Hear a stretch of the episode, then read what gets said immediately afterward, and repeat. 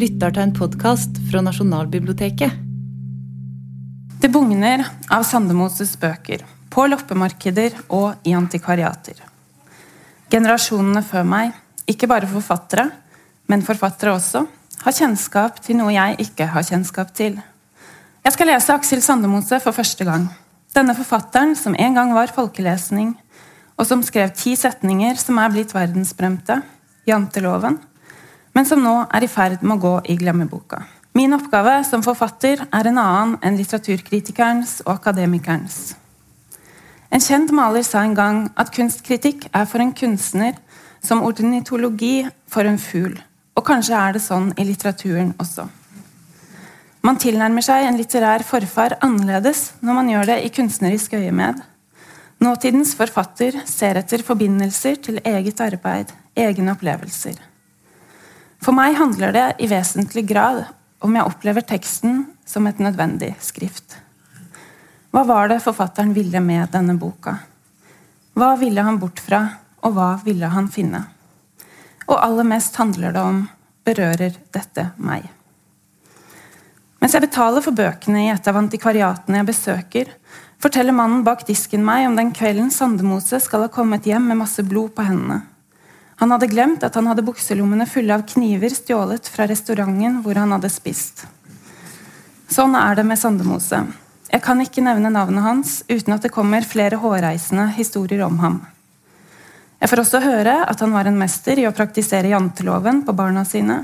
Og han skal ha stukket Inger Hagerup med en kniv i brystet, eller var det en gaffel i rumpa, fordi hun påsto at han aldri kunne ha knivstukket et menneske i virkeligheten. Den største myten om Sandemose, eller er det en sannhet, er jo at han selv begikk et drap, slik som Espen Arnakke i bøkene hans.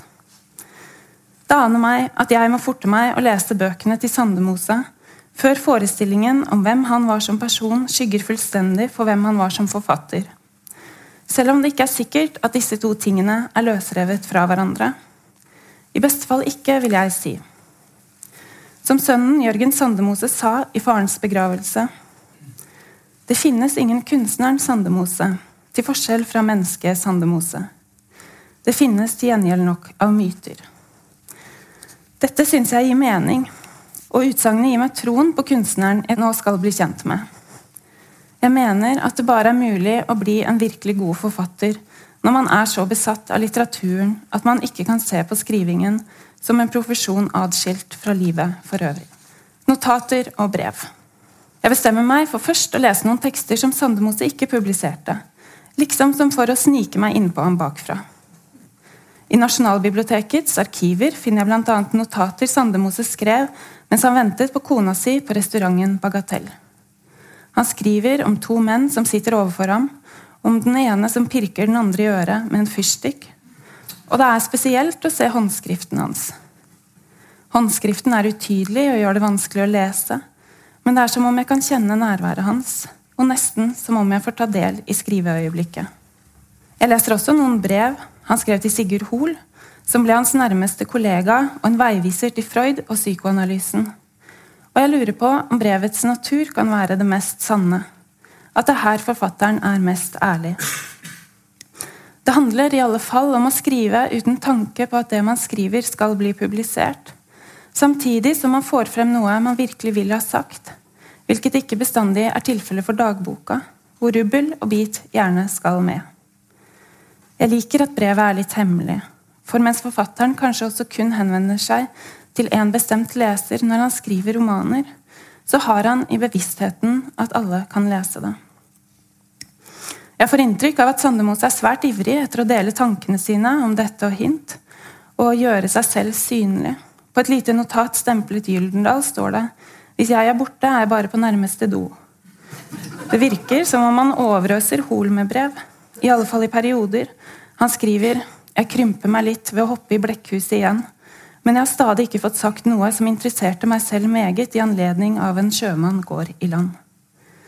Sandemose analyserer sin egen roman for Hol og kaller En sjømann en rent mislykket bok. Det er modig og oppløftende at han våger å kalle sin egen bok mislykket, og jeg liker at han tenker på hva han kunne gjort bedre. Men jeg vil ikke at han skal analysere bøkene sine for meg før jeg har lest dem, så jeg velger å gå fra brev til romanlesning. En sjømann går i land. Jeg lurer på om En sjømann går i land er boka jeg skal skrive om. En sjømann var den første romanen Sandemose ga ut etter at han flyttet fra Danmark til Norge, og den vakte voldsom oppmerksomhet. Jeg leser den første setningen. Det begynner tungt nok. Så snart ankeret slapp bunnen inne i havnen, hadde alle mann sprunget i seilene, og da dønningen begynte å løfte på skonnerten som om den lempelig satte en skulder under kjølen for å kjenne hvor tung den skuten man var, svingte ankeret og slo noen ganger hardt mot skipssiden. Umiddelbart må jeg legge fra meg tanken om at jeg skal lese boka som jeg leser en samtidsroman. Jeg ville ikke vært åpen for dette fra en samtidsforfatter. Premisset er satt, jeg leser på det gamles premisser. Og jeg kan innbille meg at det gjør meg mer raus i lesingen, men for å være ærlig tror jeg at det gjør meg mer krass. Det har liksom kommet inn en avstand allerede ved første setning. En sjømann er delt inn i tre kapitler. Den første delen handler om hvordan unge Espen Arnakke, som rormann på en skute på vei til Newfoundland, fingerer sitt eget selvmord. Det er uutholdelige forhold på skuta, og som en hevn for ydmykelsen han blir utsatt for av de andre om bord, skriver han et selvmordsbrev før han under stor dramatikk rømmer i skjul av nattas mørke og svømmer i land. Andre del handler om at Espen blir drapsmann.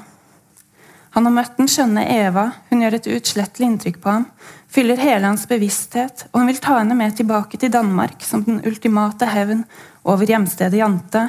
Se på meg nå. Men så skjer det ulykksalige at da han har lagt seg for å sove på loftet hvor han har funnet losji, blir han ufrivillig vitne til at kjekkasen John Wakefield forgriper seg på Eva i etasjen under.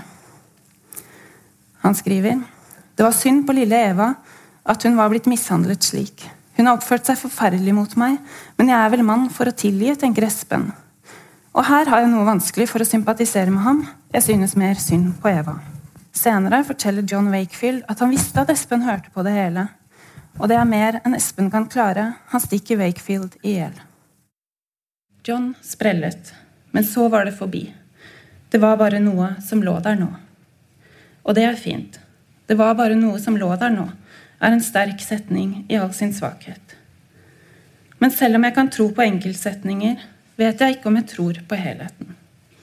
Jeg tror ikke på grunnen til å begå dette drapet i boka, at Espen er så forelsket i Eva at han dreper sin rival.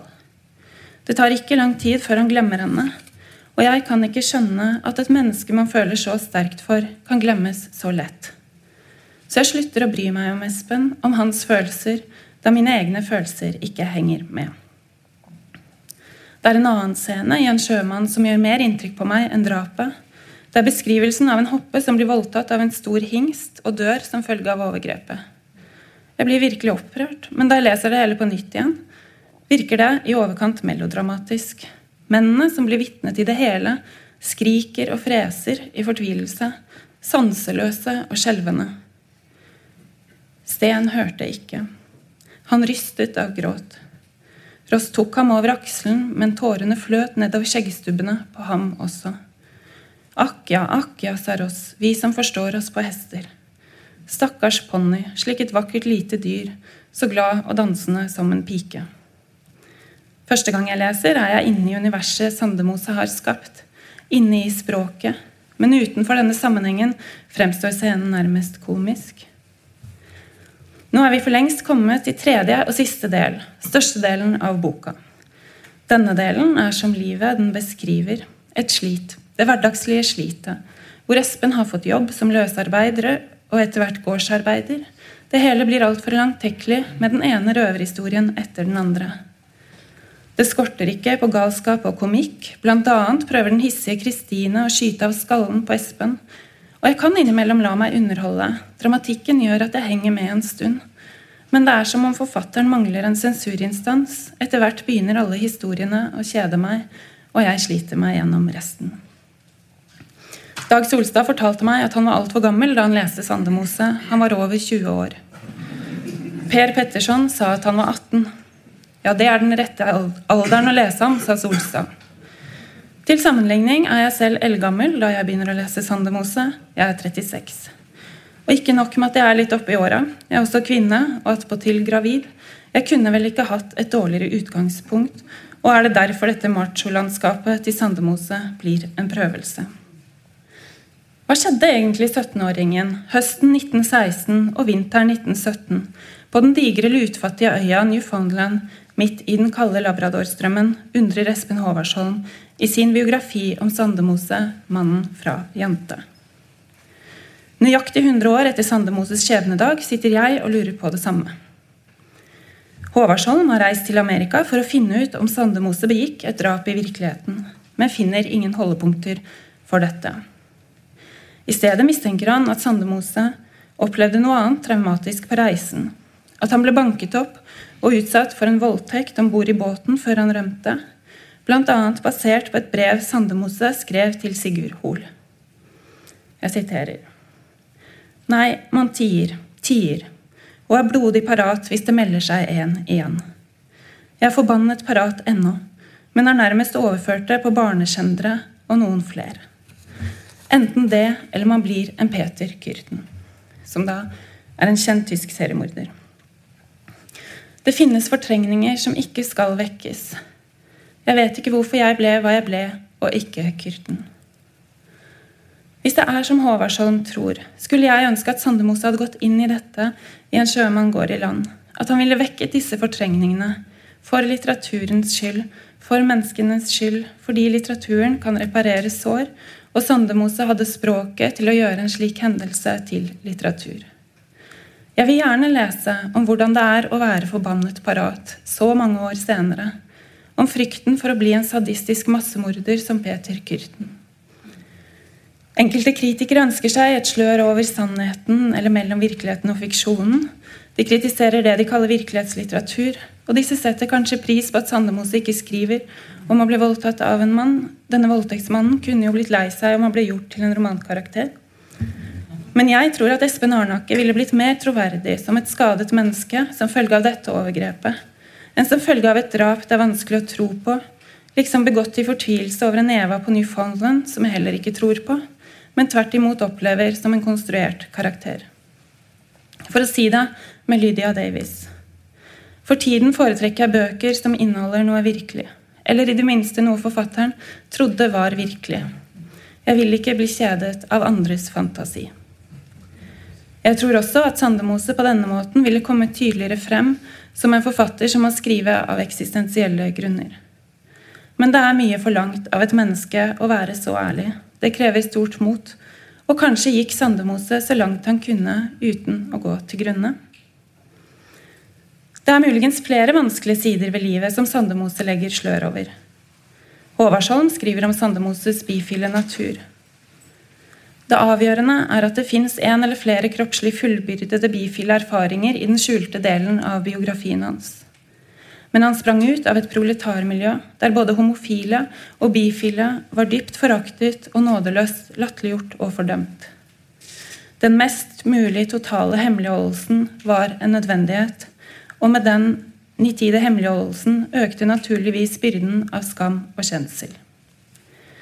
Jeg vet ikke noe om Sandemoses eventuelle bifile natur, men hvis det nå var sånn, skulle jeg ønske at han kunne skrevet om det, laget kunst av det, tenker jeg, før jeg av Håvardsholm blir gjort oppmerksom på min naivitet. Som mann kunne man bli fengslet for homoseksuelle handlinger helt frem til Sandemose døde. Den sosiale bakgrunnen hans og all forakten som fantes for den slags i Jante og andre steder, må ha gjort det umulig for ham å tematisere dette litterært. Tenk bare på Oscar Wilde, som ble fengslet og knust av det, sier Håvardsholm, og det slår meg hvor lett det er å dømme andre. Det svundne er en drøm. Flere har sagt til meg at Det svundne er en drøm er Sandemoses beste roman. Kanskje det er denne boka jeg skal skrive om, tenker jeg og forteller det til en kollega. Det er en skikkelig dårlig bok, sier han. Det føles enda verre enn om han hadde sagt at Sandemose var en fæl far. Jeg har virkelig gledet meg til å lese. Jeg begynner på romanen flere ganger. Jeg blir forvirret over hvem som snakker over disse brevene, alle forordene. Jeg leser de første sidene på nytt og på nytt. Men jeg setter også streker under gode setninger, ved språk som gjør noe med meg. Om jeg ikke får med meg hva som skjer, så får jeg med meg setningene. Sandemose skriver at mord og kjærlighet er det eneste som er verdt å skrive om, fordi det er det eneste vi tenker på. Dette er blitt et berømt sitat fra boka. Mord og kjærlighet. Jeg måtte skrive de to ordene før jeg kunne begynne. Jeg måtte sette de to begrepene fra meg, som når man bærer på noe og må sette det på bordet for å kunne bruke hendene fritt. Det er et godt bilde, og jeg lurer på om det samme gjelder disse forordene. Han har så mye på hjertet, så han må skrive forordene før han kan komme frem til det han egentlig vil si, før han kan begynne på romanen. Han skriver i forveien var det flere forord i dette manuskriptet. Nå får du altså ett til, et som er skrevet etter at jeg hadde bestemt meg til å ikke skrive mer. Ofte syns jeg det er bare forord alt sammen. Jeg kan like disse forsøkene, det er forfatteren som sitter og tripper etter å komme i gang, som tenker høyt og nærmest skriver for sin egen del, for å forstå hva han holder på med. Sandemose skriver Noe setter jeg først, enda det er skrevet sist. Noe er skrevet her i San Francisco denne sommeren, men kommer tidlig i boken. Jeg vil prøve en komposisjon og se om det kan gi meg fred. Det er interessant at Sandemose ikke stryker mer av dette til slutt at han tar det med i romanen nærmest som et forsvarsskrift. Det kan være stor skjønnhet i bøker som virker ustrukturerte, som ikke blir overlevert leseren som en endelig fasit. Man får en følelse av forfatteren som sliter, forfatteren som menneske. Her får leseren ta del i noe reelt. Forfatteren øver seg på å skrive mens leseren ser på, og gjemmer ikke vekk slitet i ettertid. Det er en sjenerøs måte å skrive på fordi alt er synlig, og en anerkjenner også hele prosessen ved det å skrive en roman. Det svundne er en mye mer kompleks og formmessig eksperimentell roman enn En sjømann, og den består av en vill blanding av brev, dagboknotater og essays. Som En sjømann er også Det svundne en roman om et mord, men heller ikke dette mordet fenger meg ordentlig. Som fortellergrep fremstiller Sandemos romanen som noe jeg-fortelleren Jon Thorsson skriver til sønnen sin. Han skriver til sønnen om sønnens mor, og han utleverer morens svakheter, forteller hvem han bedro moren med, han sammenligner moren med sin store kjærlighet som han forlot henne og sønnen for. Han snakker også stygt om sønnens morfar, skryter av egne kvinnehistorier, og han viser ingen interesse for hvem sønnen er. Jeg har vanskelig for å forestille meg at noen vil skrive dette til barnet sitt, og Jon Thorsson blir en karakter jeg ikke helt tror på og bryr meg om. Forfatteren bak denne rotete romanen kan jeg på den annen side tro på, og det er tross alt det viktigste. Sånn er det ofte med gode bøker.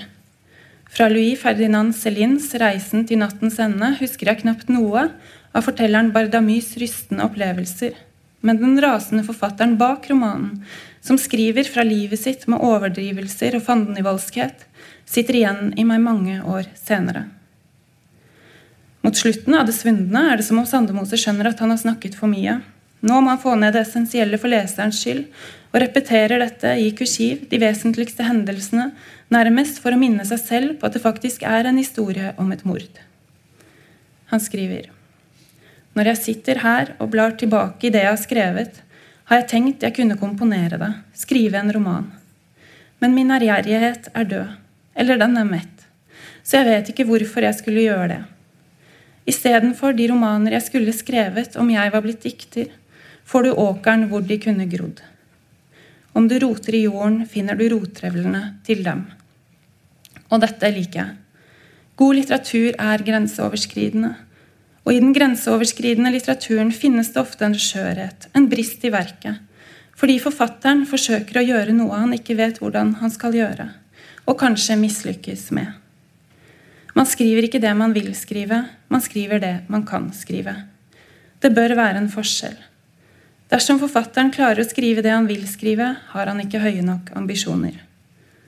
Dette viser seg også i det svundne, og ofte elsker jeg det Sandemose skriver om det å skrive. Jeg er ulykkelig i mangt mens jeg skriver, fordi realitetene viker. Jeg prøver å få et mørke til å gi seg.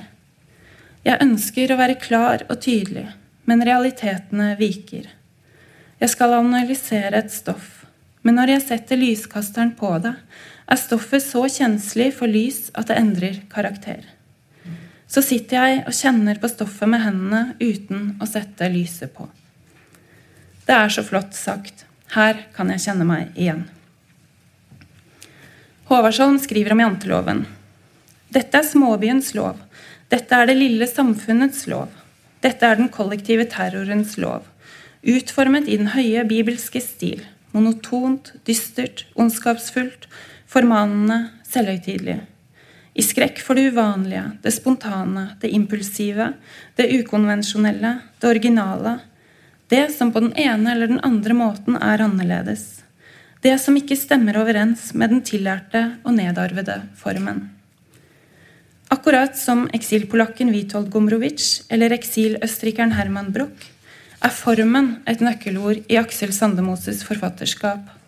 Og det er formens terror, eller det som rett og slett kalles formalismen, som er det limet som holder Jante sammen. Dette er fantastisk. Når Sandemoses opprør mot janteloven, mot stedet han kommer fra, blir synlig ikke bare i innhold, men også i form. Når hans lengsel mot noe annet, hans løsrivelse fra det bestående, ikke bare finnes i handlingen, men også i strukturen. Jeg leser videre om Sandemos i 'Mannen fra Jante', om hvordan han ikke bare var opprørsk i skrivingen, men også i det virkelige livet.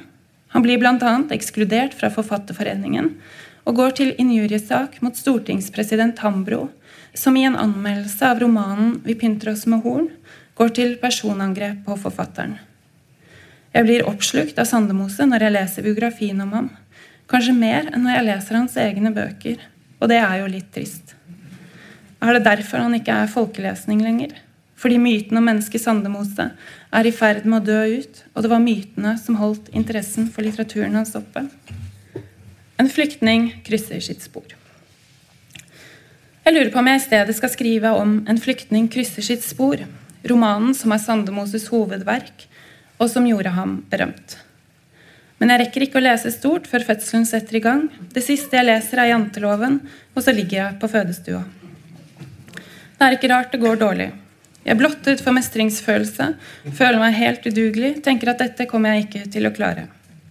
Men så kommer ungen ut til slutt uansett. Det skal gå lang tid før jeg leser Sandemose igjen. Livet er blitt så fullt, og Sandemose er en som krever stor plass. Alle kjenner en Sandemose, en som sitter og snakker høyt og påståelig i selskap, som elsker å fortelle historier og høre seg selv snakke. Og noe av grunnen til at han er så påståelig og prater så høyt, er fordi han vet at han har mye å komme med. Men alt det fine han sier, forsvinner liksom litt i den voldsomme støyen han lager. Jeg lurer på i hvilken roman jeg kan komme nærmere en mer sårbar og undrende Sandemose. Einar Økland skriver om de to polene i Sandemoses forfatterskap. Den ene hissige, dramatiske, selvhevdende, nesten hysterisk konfliktfylte. Og den andre mer stillferdige, livskloke, avklarte, preget av resignasjon og ironisk tvisyn. Det er i Kjørkelvik-årene at denne mer rasjonalistiske, dagklare, lysnære Sandemose, i alle fall i perioder, tar til å få overtaket på den sentimentale hysterikeren Sandemose. Så jeg bestemmer meg for å lese noe Sandemose skrev etter å ha slått seg ned på den lille gården på Sørlandet, med den nye kona Eva og de to tvillingguttene deres, Espen og Jørgen. Det er som om jeg, som Sandemose, har skrevet forord på forord før jeg nå kommer i gang med det jeg egentlig skal skrive. Murene rundt Jeriko. Murene rundt Jeriko, som utkommer høsten 1960, er en av Sandemoses aller mest personlige bøker. Det er boka han skriver etter at det tragiske skjer.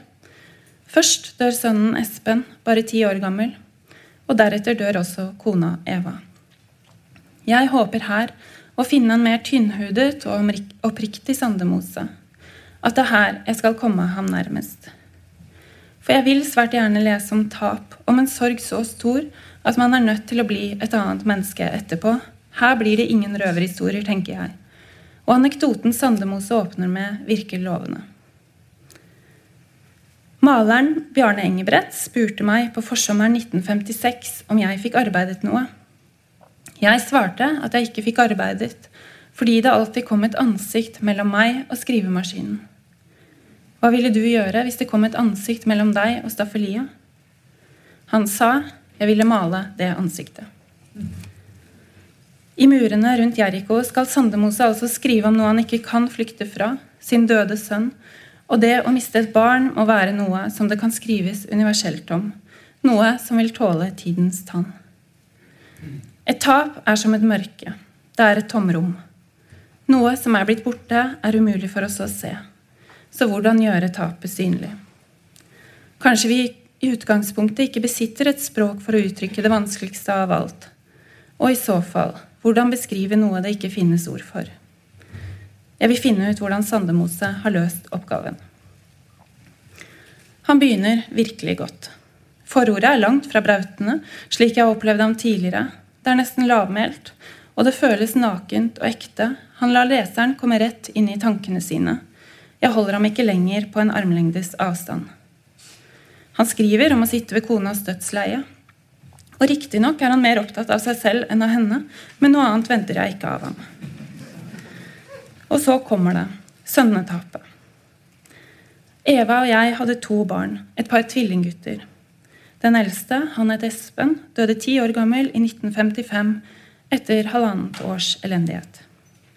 Man skriver videre Foruten alt det andre brakte dette meg i konflikt med arbeidet mitt. Han hopper kanskje litt fort fra sønnetapet til arbeidet, men jeg tror jo at han skal skrive mer om sorgen.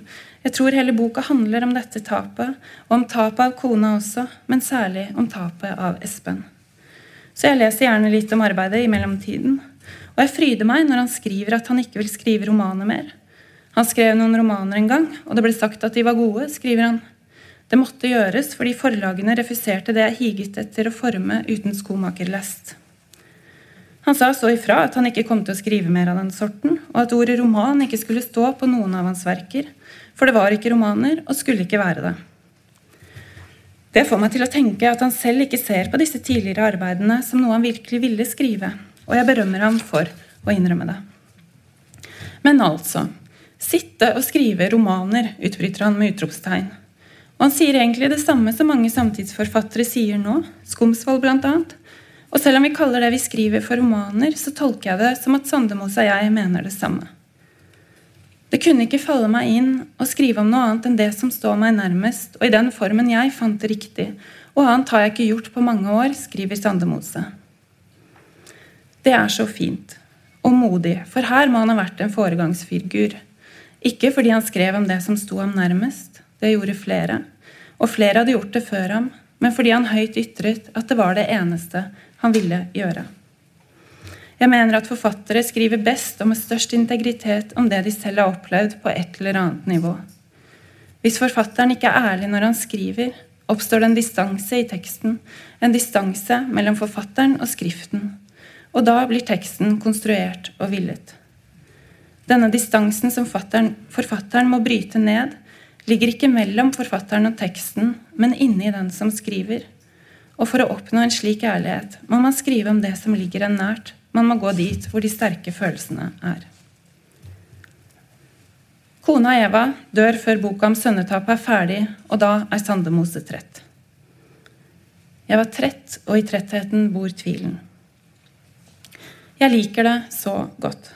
Hele dette forordet føles nytt, som om det er skrevet i dag. Jeg merker at dette angår meg. Og jeg skulle ønske at Sandemose fortsatte å være trett og full av tvil, selv om det forvirrer meg at jeg opplever det på den måten. Fordi jeg vet jo hvor vanskelig det er å skrive når man tviler, når man er redd. Men det er som om Sandemose har gått av en solid dose motstand. Til tider oppleves han som altfor forelsket i og opphisset av egen skrift. Men da første kapittel begynner, startskuddet, som det nå voldsomt heter, så er det ikke mye tretthet å spore. Sandemose begynner med å sitere sin egen bok 'Varulven'. Han synes vel det er så godt skrevet at det gjerne kan gjentas i flere bøker. Før han går over til å drøfte sjalusi og polygami sånn generelt, og med eskimoene spesielt. De har ingen rangstige i sitt samfunn, og ingen sjalusi kan Sandemose opplyse om, og da føles det hele plutselig foreldet igjen. Dessuten føler jeg meg lurt. Jeg vil ikke lese om polygami, om hvordan kvinner ikke er noe mindre polygame enn menn. Jeg vil ikke tro at det er dette Sandemose sitter og tenker på i sin sorg over tapet av sine nærmeste, at det er dette Sandemose er opptatt av på dette tidspunktet i livet sitt. Jeg har også opplevd sorg, men kjenner meg ikke igjen i det jeg leser. Han skriver interessert og engasjert som alltid, men han tenker ikke på sønnen sin og kona si, han tenker på eskimoene. Han virker alt annet enn trett her han raser i vei med en velkjent dose sarkasme. Eller er det kanskje trett han er, tenker jeg et håpefylt øyeblikk. For trett til å skrive om det som brenner ham på fingrene når han tar på det, som river ham i stykker når han lukker øynene. Men nei, dessverre, jeg klarer ikke å tro på det. Jeg har heller ingen opplevelse av at Sandemose ønsker å finne ut noe nytt i språket. Undersøkelsene av sorgen synes ikke i skriften. Man kunne jo tenke seg at kaoset i boka illustrerer sorgen, altså formen mer enn innholdet. At den usammenhengende strukturen skyldes problemer med å holde fokus. Men denne forvirringen, hangen til å fortelle den ene historien etter den andre, finnes også i hans tidligere bøker. Sandemose er sitt gamle selv, og jeg klarer ikke å se at sorgen har forandret ham, at skriveprosessen som følger sorgen, forandrer ham. Og dersom forfatteren ikke går gjennom en eksistensiell forandring mens han skriver, og man ikke kommer ut på den andre siden som et litt annet menneske, så kan heller ikke leseren gå gjennom en slik forandring. Det handler om en løsrivelsesprosess som finner sted når en tekst er skrevet av nødvendighet, der forfatteren ønsker å innta en annen posisjon enn den han befant seg i gjennom skrivingen. Han kan gjøre sorgen om til språk, og sånn lege noen av sårene livet har påført ham. Jo nærere forfatteren klarer å komme tankene og følelsene med ordene sine, desto mer blir de til noe annet. Et par ganger til dukker den døde sønnen opp. Tapet er konstatert i Kjørkelvik. Vi farer ikke lenger sammen og hvisker 'det er ikke sant'. Han ligger på rommet sitt og sover.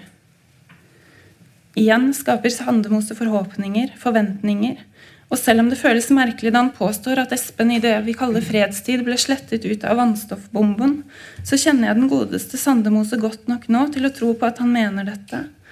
Men det som gjør meg fortvilet, er da han i neste avsnitt skriver om hvordan det tok bomben 16 måneder å ta livet av Espen, og det er mulig at Guds frede kunne få rase enda noen uker hvis ikke Espens mor og far hadde satt en stopper for den, for det skal være måte også på Guds frede.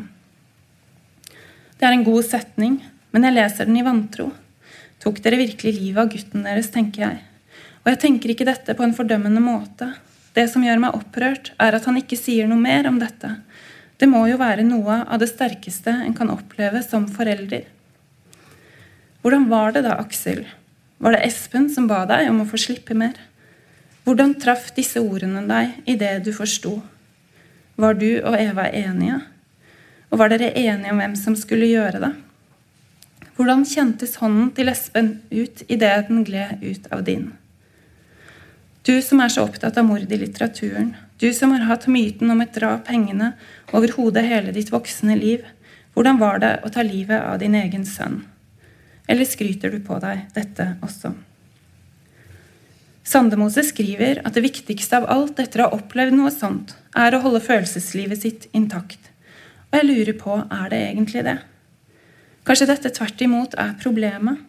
For jeg begynner å stille spørsmålstegn ved følelseslivet hans. Det virker som det er altfor intakt, om det i det hele tatt finnes. Eller er det bare en rustning han ikler seg for å skjule et menneske som ligger i ruiner? Han raser videre, om sitt svekkede syn og drømmesyn bl.a., før han kommer tilbake til Espen. Han skriver at han alltid hadde visst at de ville miste gutten. Ja, nå står det der. Det jeg hadde bestemt meg jeg ikke ville skrive. Jeg visste vi kom til å miste ham. Det var over meg, nærmere og fjernere, men aldri helt ute av sinn. Grunnen til at han visste dette, får vi forklart, er at de ga ham navnet Espen navnet mitt fra en rekke sterkt selvbiografisk fargede bøker, og et menneskes alter ego er en kopi av mennesket selv. Det brakte altså ulykke å gi sønnen navnet Espen, navnet til romankarakteren hvor Sandemose lar sin indre demon få fritt spillerom, Sandemose visste at Espen ville dø fordi de ga ham dette navnet, og likevel ga de ham det. Selv om dette er oppsiktsvekkende å lese, og det derfor gjør meg nysgjerrig, pluss at jeg liker at han får frem hvordan boka bestemmer hva som skal med og ikke. Uansett hvordan forfatteren i utgangspunktet har tenkt annerledes, vet jeg ikke om Sandemose selv tror på en sammenheng mellom Espen Arnakke og sønnens død, eller om det er noe han skriver for å virke interessant. Han får om ikke annet anledning til å si 'Hva var det jeg sa? Jeg visste det'. Vi forlater sorgen over Espen for godt, om vi noensinne har vært innom den. Og man kunne kanskje tro at han ved å skrive så lite om sønnen beskytter ham, men han gjør det motsatte. Sønnen blir aldri et menneske, han blir bare et navn som Sandemose holder opp foran seg. Jeg har kommet helt ut av det følelsesmessige engasjementet som Sandemose sådde en spire til i forordet. Jeg er skuffet. Boka handler stort sett om andre ting enn sønnetappet. Det er noen ganske rørende historier, f.eks. om sønnen Bjarne, som har flyttet vekk fra vennen sin Hanne, og som skriver til henne i sitt savn om en fars svik da han ikke sender brevet. Det er også fint å lese om da Sandemose får sitt første værelse, hvor ingen andre kan komme inn, hvor det bare er han og bøkene og ensomheten. Og deretter fallet, da han i sin naivitet ikke har skjønt at han bor i et horehus, og så blir uskyldig arrestert. Jeg tror også på det han skriver om sjalusi, som denne mest nedverdigende følelse et menneske kan bli grepet av, og særlig den seksuelle sjalusi, hvor all sjalusi møtes i et brennpunkt. Han skriver godt om sjalusi, det føles oppriktig sant. Jeg kan glede meg over at han er så opplyst, men kanskje skyldes det bare en fordom hos meg. Jeg har jo lurt litt på kvinnesynet hans, bl.a., basert på hva han skriver i bøkene sine. Jeg har i utgangspunktet ikke noe imot at forfattere lar kvinner få gjennomgå, så lenge det er morsomt og intelligent gjort, men hos Sandemose synes jeg det kan bli irriterende. Når han fokuserer så mye på at han selv er mann, stenger det liksom for hvem han er som menneske. Uansett blir jeg nå positivt overrasket når han gjør narr av hvordan den betydeligste rang blant menn er å være ektemann og få en kone hengt på seg som en fortjenestemedalje, og videre Dypsindige menn er blitt berømte på én sentens av den brukelige sorten om hva en kan vente seg av kvinner. Den vanligste og beste er denne ja ja, kvinner. Det er så lett og lunt med et sånt passende epigram. Litt for lett, kanskje, for den som har hatt en mor og kanskje noen søstre, men det er åpenbart de færreste, eller hvordan. Det finnes ingen sentenser som ikke kan passe like godt på begge kjønn, i grunnen har kvinner en stor likhet med andre mennesker, skriver Sandemose på sin ironiske måte. Men da han etterpå drøfter samlemani, sier han akkurat det motsatte. Han vil finne ut av samledriften og skriver at han, som mann, vil tillate seg å forenkle saken ved bare å se det som er felles for menn, i kursiv, og det som menn samler på, er føde og kvinner. Han skriver vi får se om hypotesen kan bli sannsynliggjort. Selv om jeg blant mine laster og svakheter ikke har den som heter beskjedenhet, og jeg anser meg selv for å være meget forstandig, tør jeg ikke hevde at jeg kan føre noe bevis for den etter, etter min mening innlysende sannhet at en samling er et substitutt for et harem. Åh, som jeg skulle ønske at han hadde litt mer beskjedenhet. For kanskje virker selvmotsigelsene negativt, fordi Sandemose fremstår som så selvsikker og bastant. Vegelsinnethet er lettere å ta til seg når det kommer fra en åpen og ydmyk person. Jeg kunne også ønske at Sandemose hadde litt mindre av det han kaller forstand, for det er ikke alltid forstanden gagner romanen, selv om det ikke er en roman han skriver. Å forstå for mye, kunne for mye. Tvert imot er glemselen vel så viktig som hukommelsen. Det gjelder ofte å være litt dum i skriften. Når forfatteren forteller hva det som skjer, betyr, og hvordan det skal tolkes, gir han ikke særlig stor plass til leseren. Hos Sandemose skal liksom alt med. Han klarer ikke å begrense seg. Om han har sluttet å samle på kvinner, så har han ikke sluttet å samle på ideer og historier. Han skriver Problemet har aldri vært å finne stoff, komme på en god idé, som de sier. Problemet har vært å sjalte ut det minst vesentlige i alt det som år etter år har presset på, og lenger og lengre blir akterutseilt. En blir rent oppgitt ved å se på alt som ligger og venter, og får i ren fortvilelse ingenting gjort. Så Sandemose har jo selvinnsikt, som da han skriver om det sørgelige ved å gå på bordell. Det har aldri ligget i min gate og antaste kvinner jeg ikke kjente. Jeg skulle gjerne gjort det, men det fikk meg bestandig til å tenke på bikkjer, og sjenert var jeg også. Nå forteller man meg at det ville kle meg hvis jeg hadde bevart noe av ungdommens sjenerthet. Er er det den manglende sjenansen jeg opplever hos Sandemose, som gjør det vanskelig å åpne meg for teksten hans? Sjenanse gjør at man ikke får vist frem hvem man er. Sjenanse gjør en ensom. Og nettopp denne ensomheten og skammen som sjenansen medfører, kan bli en grunn til å skrive. Et ønske om å knytte seg til verden, vise frem tanker og følelser som man kun klarer å uttrykke gjennom skrift. Men hos Sandemose er det som om han kan fortelle meg hva som helst, når som helst.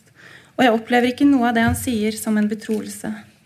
Det koster ham liksom ingenting å fortelle. Det er nesten så jeg ikke ønsker å la meg forandre av Sandemoses tekst. At jeg ikke kan gjøre meg svak og følsom i møte med ham. Og innimellom lurer jeg på om dette gjør meg hard i lesingen. Sandemoses selvinnsikt kommer særlig til syne når han skriver om å skrive. Og som i det svundne er det nok her jeg liker ham best. Når han leser gjennom murene rundt Jeriko, må han stadig skrive inn nye tanker han får. Jeg har så vanskelig for å la være med å skrive en ting igjennom enda en gang når manuskriptet har ligget en tid. Dette kan være sjarmerende, det er jo sånn det er å skrive og lese. Jo mer man gjør av det, desto mer vil man skrive og lese. Og det viser hvordan tankene forandrer seg fra en gjennomlesning til neste, hvordan man kan arbeide på et manus evig. Sandemose skriver om hvordan kona Eva pleide å lese gjennom manuskriptene, om hvordan hun var ute etter den morsomme bemerkningen som ikke var morsom likevel, hvordan hun fikk ham bort fra en selsom trang til å parodiere seg selv. Og jeg sender en takk til Eva, tenker at hun kunne vært enda strengere. Men det er mulig at jeg er for streng her. For om ikke Sandemose var blind i virkeligheten, selv om han påsto det, nok en myte han skapte om seg selv, så må han ha opplevd det alle forfattere opplever, å bli blind for egen tekst. Og jeg har inntrykk av at Sandemose i stor grad var sin egen redaktør. På et tidspunkt vil han greie seg fullstendig på egen hånd, uten noe forlag. Sandemose har kanskje ikke så mange å rådføre seg med der i Kjørkelvik. Alt uønsket besøk sender han hjem med en gretten kommentar. Han virker som en skikkelig surpomp. Og nå har han ikke Eva heller. Han skriver om hvordan hun med blikket mot peisen minnet ham på et eller annet før hun selv sluknet. Et liksom morsomt, morsomt ordspill som jeg tipper Eva hadde strøket om hun hadde vært i live. Han skriver godt om hverdagslivet i Kjørkelvik. Han skriver om fugler, om hakkespetten som alt som liten erverver seg en kronisk hjernerystelse som gjør den gal nok til å fortsette med sine vanvittige forehavner. Den har da ganske riktig også et schizofrent skrik. Og jeg humrer første gang jeg leser det. For Sandemos er mange av disse setningene som er småvittige. Den som ikke har oppfunnet kruttet, skal omgås forsiktig med sprengstoff, osv. Men virkningen varer ikke så lenge. Det kreves mye mer av humor i skriftlig form enn muntlig. Da liker jeg bedre det litt ufrivillige morsomme. Om hvordan han hver dag omstendelig tar saksen og klipper over hyssingen på avisene. Nå er det ingen vei tilbake, tenker han. Avisene legges én for én på bordet til venstre, brevene på trillebordet til høyre. Så skreller jeg en banan og spiser den mens jeg tenker at tenkte jeg det ikke, her er ingenting særlig. Da sitter jeg ved siden av ham ved bordet. Det er ikke anstrengt morsomt eller forsert på noen måte. Et annet eksempel er når han grubler over flåtten. Midt på sommeren 1959 var han uheldig med en som hadde gravd seg inn i høyre leggemuskel og han bærer et lite arr etter betennelsen, kan han opplyse. Han fortsetter. 2. oktober fikk jeg en på magen. Jeg nevner bare de mer alvorlige tilfellene. Og der kom betennelsen om igjen og om igjen. Her må jeg le høyt. Han forteller liksom så naivt og inderlig om disse flåtteangrepene. Alvorstynget avslutter han. En kan få det alle steder, til og med på øyelokket. Det virker som om det ikke er noe som helst Sandemose ikke interesserer seg for. Han viser en misunnelsesverdig kunnskapshunger. Avslører f.eks. at man i zoologi for lærerskolene fikk uriktige opplysninger om tannforholdene hos sauer. Han skriver om samer som ennå kastrerer dyrene sine med tennene, om mormonernes forhold til polygami og om homoseksualitet, men uten å ta utgangspunkt i seg selv, og det er synd. For når Sandemose blir personlig, er det fint. Han skriver bl.a. om de Kastberg, Kastbergske barnelover, og det kunne man jo lest om i hvilken som helst historiebok. Så det er først da han forteller om den gangen han skulle gifte seg i Stockholm, og en lattermild engel gikk gjennom rommet idet han ikke klarte å svare på hvor mange barn han hadde fra før, at teksten gir noe. Han kunne med fordel ha gjort mer ut av dette enn bare å nevne det som en anekdote. Selv om jeg blir imponert over alt han kan, så har han innimellom en tone som gjør at jeg kan få ham opp i halsen. En selvhøytidelig, holdmodig ovenfra-og-ned-tone. Jeg har vært sansspådd uten å skryte, skriver han når han kan forutse været, men da er det jo nettopp å skryte han gjør. Og han skryter når han skriver om hvor frie og naturlige nakenbadere egentlig er, eller det vil si, andre nakenbadere er ikke frie og naturlige i det hele tatt, mens han selv og Eva er svært så frie og naturlige. Han er belærende. Da han forteller om en gang han drakk øl, forteller han også leseren om hvordan øl skal drikkes. I et par slurker fra flasken for å kjenne det fulle kullsyretrykket, og for ikke å få skum i nesen. Det er kanskje barnslig å bli irritert over denne besserwisseren, men det blir jeg. Og særlig irriterende er det når han forklarer de mest opplagte ting. Vi vet hvorfor man stikker fingeren i munnen før man holder den opp i lufta så man kan kjenne hvor vinden kommer fra. Du trenger ikke fortelle oss det. Jeg sympatiserer med kona Eva, som utbytter da de begge for første gang er på Tenerife. Så hyggelig at her kan det ikke være pedagogisk, og at vi kan sitte hos hverandre som to småbarn og begge oppleve det samme for første gang. Jeg skulle, som leser, ønske at jeg kunne oppleve og oppdage verden han beskriver sammen med ham, og ikke få et referat etter at han har gjort seg ferdig med oppdagelsen. Å lese god litteratur er opplevelsen av at noen fullfører dine halvtenkte tanker. Men med Sandemose er det som om jeg ikke rekker å tenke noe halvveis engang før han slår meg i hodet med løsningen. Alt er ferdig uttenkt, og han har analysert det på forhånd. Han har i alle fall bestemt seg på veien fra hjernen til papiret. Som i tidligere bøker blir han stadig i overkant patosfylt og pompøs, med overskrifter som 'minner om mennesker og mordere', og setninger som 'det hender at jeg kjenner ensomheten, stormen og regnet og mørket som den heteste drøm om paradis'. Tanken er fin, at en i den mørke ensomheten kan finne den største roen, men den setningen gir ingen stemning av det den prøver å beskrive. Stormen og regn og mørk og den heteste drøm om paradis, det er å jåle seg med ord. En av de aller siste historiene i murene rundt Jeriko er oppsiktsvekkende. Den handler om et barn Sandemose fikk med en psykisk forstyrret kvinne som hun ville at han skulle ta livet av. Han skriver svært nedsettende om henne, mens han stiller seg selv i et godt lys. Hvordan han alene tok seg av barnet i seks uker og adopterte det bort i stedet for å ta livet av det. 20 måneder senere dør barnet, og agnostikeren Sandemoses reaksjon er det gikk hardt inn på de to som var blitt dets foreldre, men slik var Guds vilje, som de sier. Jeg satt der ved peisen og tenkte den gamle, morkne saken igjennom en siste gang. En kunne også se bort fra all menneskelighet og moral og si som så, jeg tapte ikke hodet. Sandemose, jeg forstår deg ikke. Disse døde barna dine. Først denne jenta du fikk utenfor ekteskap med en psykisk syk mor, og senere Espen. Jeg forstår ikke din tilnærming til dette. Du virker så følelsesløs. Espen Håvardsholm skriver at historien om det bortadopterte barnet muligens er bekjennelser fra myteskaperen mer enn selvransakeren. At det hele bare kan ha vært en illegal abort.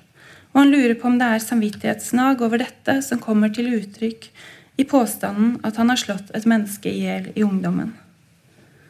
Men jeg synes ikke det virker som Sandemose har noen dårlig samvittighet. Og det paradoksale er at om han hadde skrevet om en illegal abort, om det var dette han satt og tenkte på så mange år senere der foran peisen, så ville det gjort mer inntrykk. Det ville vært en historie jeg kunne levd meg inn i. Det aller siste avsnittet lyder som følger. Men for meg er ordet ingenting jeg forstår ingenting uten et bilde. Jeg har ønsket at jeg aldri hadde lært å lese og skrive. Da hadde en kanskje ikke fått denne dimme glassveggen mellom sansning og virkelighet, og visst hvor det var fåfengt å grave etter gull. For Sandemose er språket en glassvegg som gjør at han ikke kommer nær nok virkeligheten. Og kanskje er det fordi språk for ham er kunnskap, og kunnskap har den intellektuelle autodidakten Sandemose svært mye av. Det blir en veldig tjukk vegg. Men jeg tror på et språk som er sansning i seg selv, som i alle fall kan nærme seg sansningen. At det går an å bryte språket ned, bygge det opp, for å uttrykke det mest kompliserte, men samtidig det enkleste av alt, nemlig det mest grunnleggende ved det å være menneske. Etterlatte notater. I de bøkene jeg nå har lest, får jeg denne følelsen av at Sandemose gjemmer seg bak alt han vet, og bak den barske tonen. Det er som om jeg ikke kommer helt inn til kjernen av det mennesket han er. Det er som om han står der og peker, og jeg ser dit han peker, i stedet for inn i ham, som er inn i meg selv.